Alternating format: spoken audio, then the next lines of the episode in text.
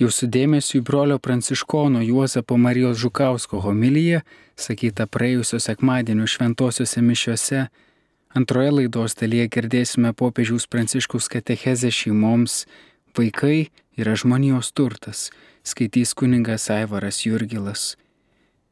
Aleliuja, aleliuja, aleliuja. Viešpat su jumis. Pasiklausykite Šventojios Evangelijos pagal Luką. Anuomet atsistojo vienas įstatymo mokytojas ir mėgindamas Jėzų paklausė, mokytojau, ką turiu daryti, kad laimėčiau amžiną į gyvenimą. Jėzus tarė, o kas parašyta įstatymė, kaip skaitai? Tas atsakė, mylėk viešpati savo Dievą visą širdimi, visą sielą, visomis jėgomis ir visų protu, o savo artimą kaip save patį. Jėzus jam tarė, gerai atsakėjai, tai daryk ir gyvensi. Norėdamas pasiteisinti, Anas paklausė Jėzų, o kasgi mano artimas? Jėzus prabilo. Vienas žmogus keliavo iš Jeruzalės į Jerichą ir pakliuvo į plėšikų rankas. Tie išrengė jį, sumušė ir nuėjo savo palikdami pusgyvį. Atsitiktinai tuo pačiu keliu ėjo vienas kunigas. Jis pamatė, bet praėjo kitą pusę kelio. Taipogi ir Levitas pro tą vietą eidamas jį pamatė ir praėjo kitą kelio pusę. O vienas pakeleivis, samarietis, užtikęs jį, pasigailėjo.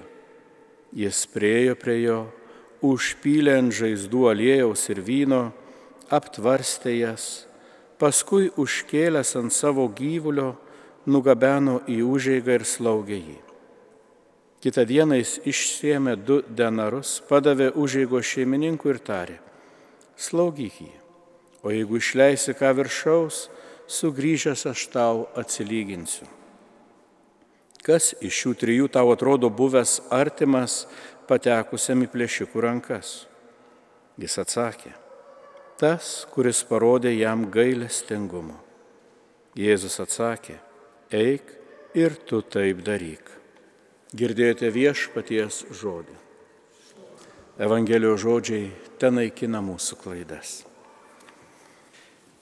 prašom įsitaisyti patogiai.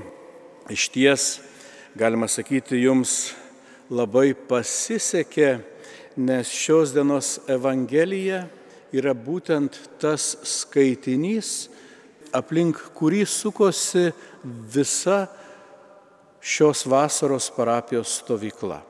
Tai yra šis pasakojimas apie gailestingai samarietį yra randamas centre popiežiaus enciklikos Fratelli Tuti ir visa mūsų parapijos bendruomenė, kuri buvo išvykusi stovyklauti, skaitydama šį popiežiaus dokumentą, gilinosi būtent į šią Evangelijos vietą. Taigi tie, kurie neturėjot galimybės nuvažiuoti, dabar galėsite viską išgirsti, ką mes ten visą savaitę šnekėjom, o tie, kas buvote, bus proga iš naujo atsiminti. Taigi, pasakojimas apie gailestingąjį samarietį nukelia mus į Jeruzalės apylinkės ir Jeruzalė pristatoma kaip miestas ant kalno, iš kurio žemyn leidžiasi žmogus keliaudamas į Jerichą. Ir turime atminti, aišku, kad Jeruzalė buvo viso religinio gyvenimo centras, taigi suvokiama kaip šventa vieta. Nuo tuo tarpu Jerichas buvo pristatomas kaip stabmeldystės ir nuodėmė miestas. Taigi keliauti žemyn iš šventos vietos į nuodėmių vietą yra pavojinga. Ir štai neatsitiktinai pakeliui tas žmogus yra užpuolamas, išrengiamas ir apiplėšiamas. Ir tarsi parodant, kad žmogus, kuris eina toli nuo Dievo, papuola į didžiulį pavojų. Šis žmogus yra tarsi keleivis, keliaujantis per pasaulį. Pasaulį, kuris prarado brolystės ir artimo jausmą. Pasaulį, apie kurį kalba šventame rašte jau pirmieji puslapiai pristatydami dviejų brolių istoriją, kur vienas brolis nužudo kitą brolį, kur Kainas užmuša Abelį. Ir Dievo paklaustas, kasgi atsitiko su tavo broliu, jis atsako jam, argi aš esu savo brolio sargas. Ir labai įdomu, kad žodis sargas yra tas pats žodis, kuris nusako ir pranašą. Taigi sako, ar aš esu savo broliui pranašas, ar aš esu tas, kuris atveriu paklydusiam broliui akis, kad jis pažintų Dievo valią. Taigi, tas irgi sumuštasis, jis guli pakelėje ir pro šalį matome eina kunigas ir levitas. Kunigas tai yra Araono palikuonis, kuris turi pareigą tarnauti aukojant auką šventykloje. Ir jisai bijo prisiliesti prie sužeisto žmogaus, nes buvo tikima, kad prisilietus prie kraujo tu tampi rituališkai nešvarus ir negalėjai taukoti aukų. Levitas yra Levio palikuonis tos giminės, kuri paskirta prižiūrėti ir tvarkyti šventyklą. Jis irgi praeina kitą kelio pusę. Jie be abejo abu puikiai išmano įstatymą, tą patį įstatymą, apie kurį kalbėjo ir tas rašto žinovas Jėzui. Mylėk Dievą visą širdimi, visų protų ir visomis jėgomis ir mylėk savo artimą kaip save patį. Tačiau išmanyti įstatymą neužtenka. Kuomet mums puola išmėginimai, mes dažnai nesugebame to įstatymo panaudoti praktikoje. Dar daugiau randame daugybę legalių, netgi ir religinių pasiteisinimų, kodėl negalime padėti kitam. Ir dažnai net ir mūsų aplinkoje, kuomet matome vargšą, matom pabėgėlį, matom žmogų, kuris galbūt praradęs tą gyvenimo kelią dėl priklausomybių ar lygų ar proto negalios, mes randame daugybę pasiteisinimų, kad jis pats kaltas, ko iš čia iš viso atėjo ir tai tikrai ne mano valdžios ar dar kažkieno rūpestis. Taigi mes elgiamės panašiai kaip Kainas, kuris sako, ar aš esu savo brolio sargas, ar man turi jis rūpėti.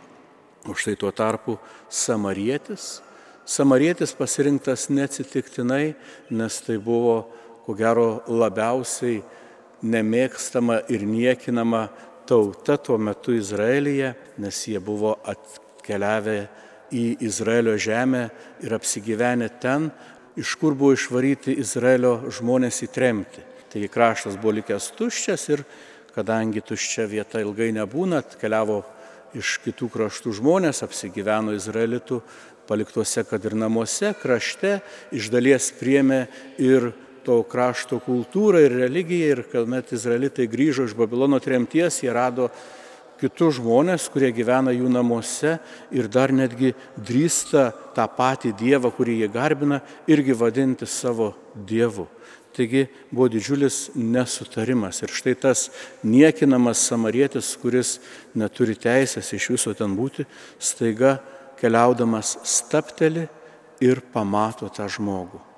Ir tai yra pirmas žingsnis į bendrystę - sustoti ir pamatyti. Pamatyti kitą žmogų bėdoje. Nepraeiti pro šalį, tarsi jo nebūtų. Ir kaip dažnai mes galime irgi pasijusti netgi didžioje minioje, tarsi būtume nematomi. Keliaujame ir kiekvienas eina su savo rūpešiais, savo reikalais ir kiekvienas tikriausiai galime atsiminti tą žvilgsnį, kada galbūt, kai mums buvo sunku, reikėjo ir kažkas mus išvydo, kada mūsų akis susitiko ir mes buvome pamatyti. Ir taip buvo gyvenimą perkeičianti patirtis.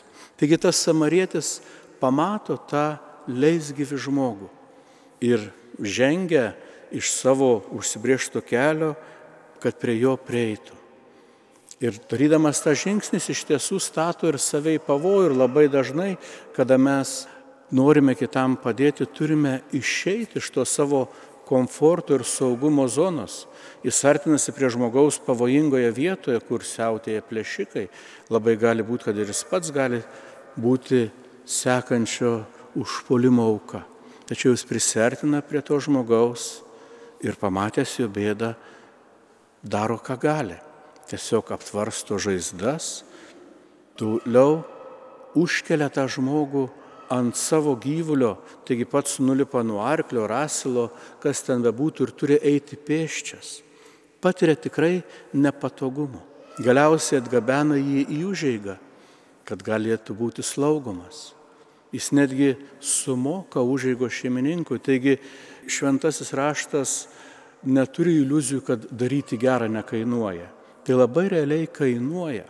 Ir tik labai realiai tu turi atimti iš savęs tiek lėšas, tiek laiką, tiek dėmesį, kurį galbūt skirtum kitam, bet tu tam žmogui parodai gailestingumą, parodai brolystę ir kaip Jėzus šiandien sako, per tai laimi amžinai gyvenimą, per tai gimsta bendruomenė, per tai mes tampame savo brolių ir sesių sargais, per tai mes tampame vienas kitam pranašais. O pranašystėje kiekvienas iš mūsų esame patepti Krikšto dieną. Žinoma, galbūt mes ir neatsimename savo paties krikšto, bet kas krikštijo savo vaikus ar matė kitų krikštą, kunigas po to, kai užpilamas vanduo ant galvos, kaktą patepa šventąją chrizmą. Ir tai yra patepimas trigubai tarnystėj - kunigo, pranašo ir karaliaus. Kunigo tarnystė tai reiškia, kad tas žmogus turi galę ir pareigą melstis Dievui už šalia esančius brolius ir seseris. Pranašo tarnystė tai yra duodama gale turėti viešpatie žvilgsnį į pasaulį ir pamatyti, kas jame yra gerai ir kur reikalinga mūsų kaip Dievo bendradarbių prislietimas ir globa, duoda galę pamatyti broli ar sesę esantį bėdoje ar išklydus iš kelio. Ir mes taip pat galime susinepatoginę sakyti, tai čia jo paties reikalas, arba galime prisimti tą pranašo tarnystę ir sakyti, broli sesė, jeigu liksi tame kelyje, pražūsi.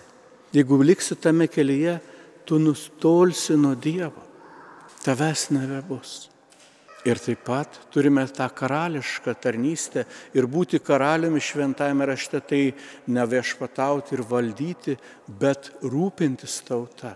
Rūpintis, kad nebūtų stokojančių ir kartais tai reiškia taip pat pasidalinti ir savo gerybėmis, kad šalia manęs nebūtų to, kuris jaustųsi apleistas, jaustųsi nematomas, jaustųsi nemylimas. Ir jeigu mes tai darysime, mes jau žengsime į amžiną į gyvenimą. Visą tai mums skamba ir kaip paliepimas, ir kaip pažadas, kad mylėdami savo artimą mes eisime į amžiną gyvenimą, kad mylėdami savo artimą jau dabar, jau čia pradėsime patirti Dievo karalystę, apie kurią Jėzus sako, ji jau čia pat, ji jau čia ranka pasiekiama.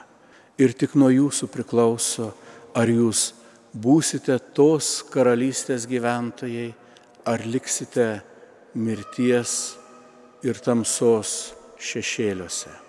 Taigi tegul viešpats įkvepia mūsų širdims troškimą gyventi su viešpačiu. Te uždega mūsų širdis meilę matyti vienas kitą ir te duoda išminties ir jėgų vienas kitam broliškai patarnauti. Girdėjome brolio pranciškono Juozapo Marijos Žukausko homiliją, sakytą 15 eilinio metų sekmadienio šventosiuose mišiuose Na, o po muzikinės pertraukos girdėsime popiežiaus pranciškaus katechezę šeimoms. Vaikai yra žmonijos turtas. Katechezę perskaitys kuningas Aivaras Jurgilas.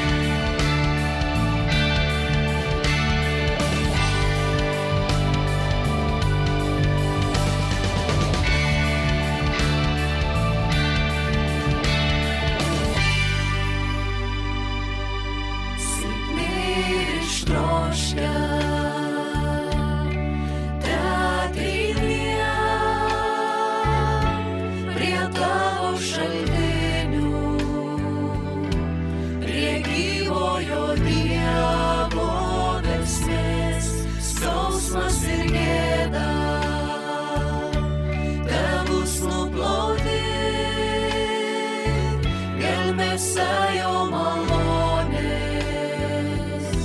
šaukiu iš viso.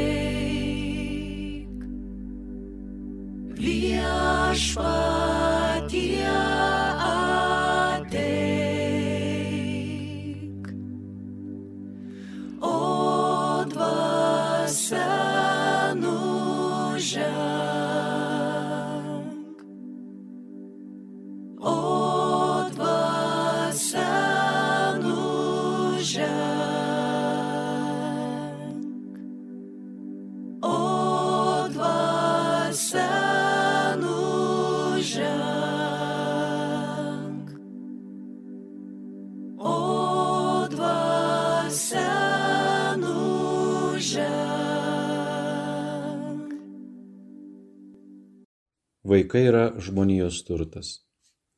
Apžvelgęs įvairių šeimos narių - motinos, tėvo, sunų, dukterų, brolių, seserų, senelių vaidmenį, norėčiau užbaigti šį pirmą katechezių apie šeimą ciklą, kalbėdamas apie vaikus dviem etapais.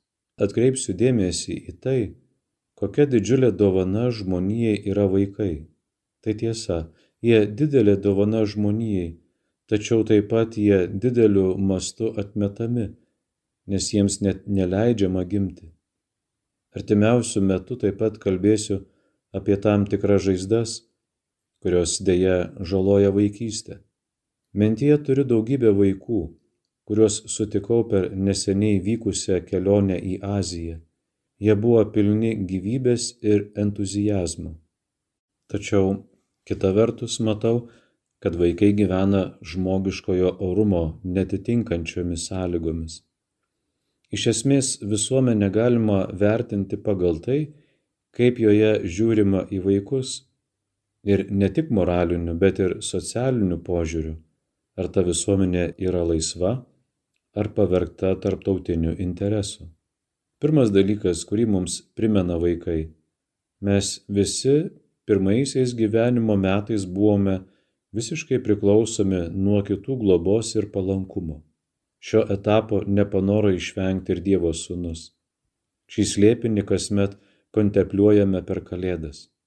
Prakartėlė yra ikona, paprasčiausiai ir tiesiogiai mums bylojanti apie tą tikrovę. Įdomus dalykas, Dievas be vargo leidžiasi būti suprantamus vaikams. Jiems nėra sunku suprasti Dievą. Neatsitiktinai Evangelijoje yra labai gražių ir įtaigių Jėzaus žodžių apie mažutėlius. Žodis mažutėliai taikomas visiems žmonėms, kurie yra priklausomi nuo kitų pagalbos, o ypač vaikams. Pavyzdžiui, Jėzus sako, aš lovinu tave, tėve, dangaus ir žemės viešpatie, kad paslėpiai tai nuo išmintingųjų ir gudriųjų, o preiškiai mažutėliams. Mato Evangelijos 11 skyrius 25 eilutė. Ir toliau. Žiūrėkite, kad nepaniekintumėte ne vieno iš šitų mažutėlių, nes sakau jums, jų angelai danguje visuomet regi mano dangiškojo tėvo veidą. Mato Evangelijos 18 skyrius 10 eilutė. Taigi vaikai patys savaime yra žmonijos turtas, taip pat bažnyčios, nes mums nepaliaujamai primena, kokia yra būtina sąlyga norint įeiti į Dievo karalystę. Nemanyti, kad mums pakanka savęs pačių, bet pripažinti pagalbos, meilės, atleidimo reikalingumą. Visiems mums reikia pagalbos, meilės, atleidimo. Vaikai mums primena kitą gražų dalyką, kad visuomet esame sūnus ir dukros.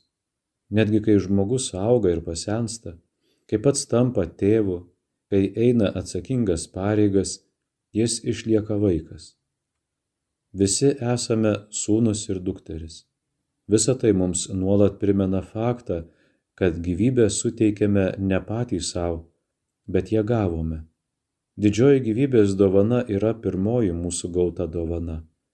Kartais mums grėsia tai pamiršti, tarsi patys būtume savo egzistencijos viešpačiai o iš tikrųjų esame visiškai priklausomi. Iš ties tai duoda pagrindą labai džiaugtis, jausti, kad kiekvienu gyvenimo laikotarpiu, kiekvienoje situacijoje, bet kokiamis visuomeninėmis aplinkybėmis esame ir išliekame vaikai. Tai esminė žinia, kurią vaikai mums perteikia savo buvimu. Tiesiog pačiu savo buvimu jie primena mums, jog mes visi, kiekvienas iš mūsų, esame vaikai. Vaikai atneša žmonijai daugybę dovanų, didžiulį turtą. Paminėsiu tik kai kurias iš jų. Jie įneša savo požiūrį į tikrovę, žvelgdami pasitikinčiu ir tyrų žvilgsniu. Vaikas spontaniškai pasitikė tėčiu ir mama, spontaniškai pasitikė Dievu, Jėzumi, Dievo motina. Tuo pat metu jo vidinis žvilgsnis yra tyras jis nėra iškreiptas pykčio, dviveidystės, sukėtinančių širdį gyvenimo nuosėdų. Žinome, kad vaikai taip pat paženklinti gimtosios nuodėmis, turi savanaudiškumo, tačiau jie išlaiko tyrumą ir paprastumą. Vaikams nebūdinga diplomatija. Jie sako tai, ką jaučia ir ką mato. Vaikai dažnai sukelia problemų tėvams, kai apie kitus žmonės sako, anas man nepatinka, nes jis bjaurus. Tačiau vaikai kalba tai, ką mato, jie nėra dviveidžiai. Jie dar neperprato to dviveidystės įgūdžio, kurį dėja įvaldėme mes saugusieji. Negana to vaikai savo vidiniu paprastumu turi gebėjimą priimti ir dovanoti švelnumą. Švelnumas būdingas jautriai, kūniniai, o nekmeniniai širdžiai, kaip prašoma Biblijoje, palyginti Ezekielio knygos 36 skyrių 26 eilutę. Švelnumas tai poezija. Tai reiškia išjausti dalykus ir įvykius, nelaikyti jų tik paprastais objektais, kuriais naudojamasi todėl, kad jie naudingi. Vaikai geba šypsotis ir verkti. Kai kurie iš jų man šypsosi, kai juos paimu ant rankų norėdamas apkabinti. Kiti, matydami mane apsirengusi baltai, mano, kad esu gydytojas ir nori juos skiepyti, todėl verkia, tačiau natūraliai. Tokie yra vaikai. Jie šypsosi ir verkia. Mes, suaugusieji, tuos dalykus dažnai blokuojame, nebesugebame to daryti natūraliai. Mūsų šypsena dažnai būna tarsi nupiešta, kažkokia negyvybinga, negyva, dirbtinė, pajaco šypsena. Vaikai spontaniškai šypsosi ir spontaniškai verkia. Tai visuomet priklauso nuo širdies, o mūsų širdis dažnai blokuojama ir praranda gebėjimą šypsotis ar verkti. Taigi vaikai mus gali išmokyti iš naujo šypsotis ir verkti. Tačiau mes patys turime susimastyti, ar šypsausi natūraliai, šviežiai, su meile, ar mano šypsena yra dirbtinė. Ar aš dar verkiu, ar jau praradau gebėjimą verkti? Tai du labai žmogiški klausimai, kurių mus moko vaikai. Dėl to Jėzus ragina savo mokinius, kad jie taptų kaip vaikai, nes tokių yra Dievo karalystė. Palginti Mato Evangelijos 18 skyrius 3 eilutė ir Mato Evangelijos 10 skyrius 14 eilutė. Brangus broliai seserys, vaikai įneša gyvybės, džiaugsmo, vilties, tačiau taip pat kelia rūpeščių. Tačiau toks yra gyvenimas. Jie nebejotinai pridaro daug rūpeščių ir kartais problemų, tačiau geresnė visuomenė su tais rūpeščiais ir problemomis negu liūdna ir pilka visuomenė, kai joje nebėra vaikų. Žvelgdami gimstamumo rodiklį siekianti vos vieną procentą, galime pasakyti, jog tai liūdna ir pilka visuomenė nes joje jau nebėra vaikų. Girdėjome popiežiaus pranciškaus katechezę šeimoms, vaikai yra žmonijos turtas, perskaitė kuningas Aivaras Jurgilas.